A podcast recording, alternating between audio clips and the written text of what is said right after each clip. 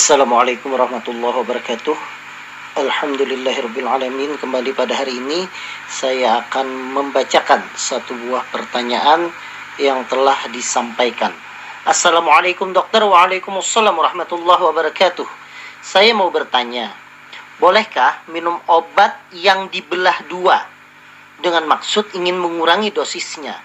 Misalnya Obat anti mabuk perjalanan Diminum setengahnya saja karena kalau diminum full, saya akan ngantuk berat dan bolehkah menebus resep dokter setengahnya saja? Terima kasih atas penjelasannya dok dari Bapak Indrawan. Baik Bapak Indrawan, terima kasih atas pertanyaannya. Jadi e, sebenarnya secara prinsip sebenarnya obat itu telah dibuat sedemikian rupa supaya sesuai dosisnya.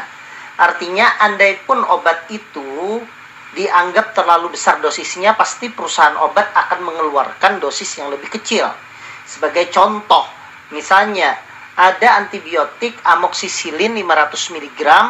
Nah, yang lebih kecil lagi ada produksi namanya amoksisilin 250 mg. Kalau seandainya lebih kecil lagi berarti dia untuk anak-anak. Makanya diciptakan ada amoksisilin 125 mg tapi dalam bentuk sirup.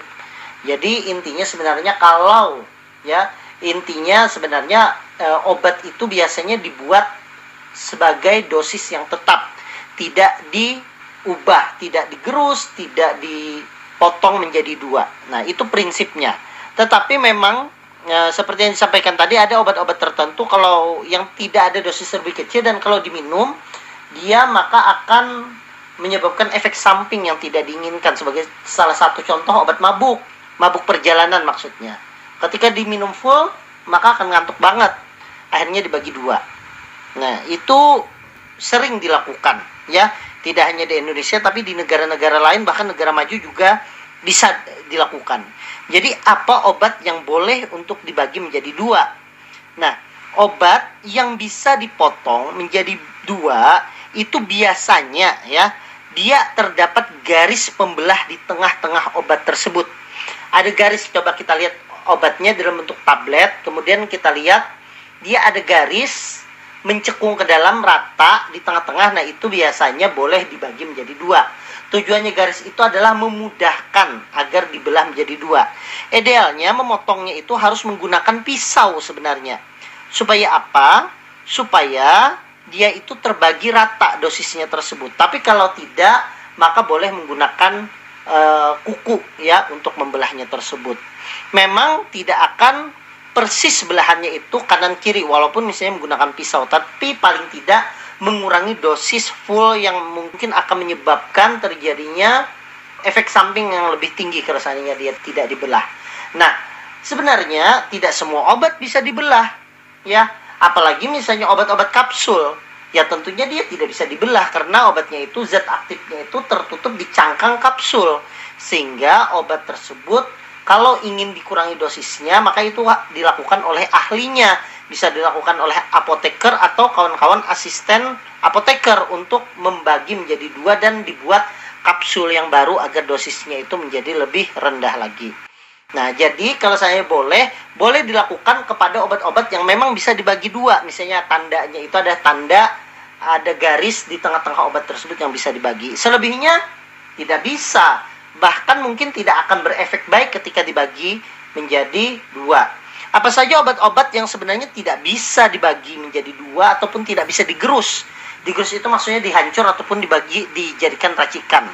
Yang pertama itu adalah obat yang memang khusus sudah ada modifikasi pelepasannya.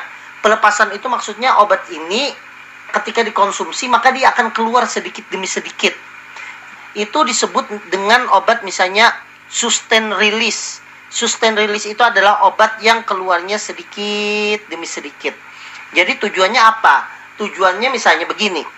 Kalau kita misalnya ada obat namanya obat uh, saya sebut merek tuh ya, mohon maaf. Adalat oros. Adalat oros sebenarnya itu adalah nifedipin. Sama isinya.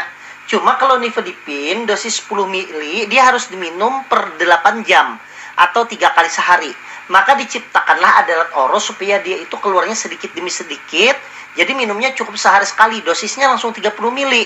Tapi dia menyamai dengan minum obat tiga kali, tiga kali sehari nifedipin. Itu namanya sustain release, artinya dia pelepasannya itu sedikit demi sedikit. Nah obat seperti itu, apakah boleh digerus atau dibagi? Ya jelas, tidak boleh. Kalau seandainya itu dibagi atau dihancur, maka efek sustain release-nya akan hilang karena cangkangnya untuk mengatur pengeluaran itu menjadi rusak. Itu yang pertama.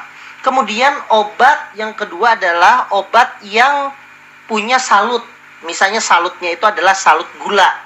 Ada obat tertentu yang sangat pahit sehingga perusahaan obat itu membuat suatu obat itu dibuat salut. Tujuannya apa dibuat salut? Ketika dia meminum obat tersebut tidak terasa pahit sehingga tidak menimbulkan sensasi tidak nyaman meminum obat. Kalau itu dibagi, maka tentu saja pahitnya obat itu akan langsung terasa. Kemudian ada lagi obat yang fungsinya itu ditaruh di bawah lidah. Ya, misalnya obat isosorbit dinitrat. Nah, obat isosorbit dinitrat itu itu digunakan untuk pertolongan pertama pada nyeri dada akibat penyempitan pembuluh darah jantung. Nah, tujuannya itu apa? Tujuannya itu untuk mempercepat kinerja obat.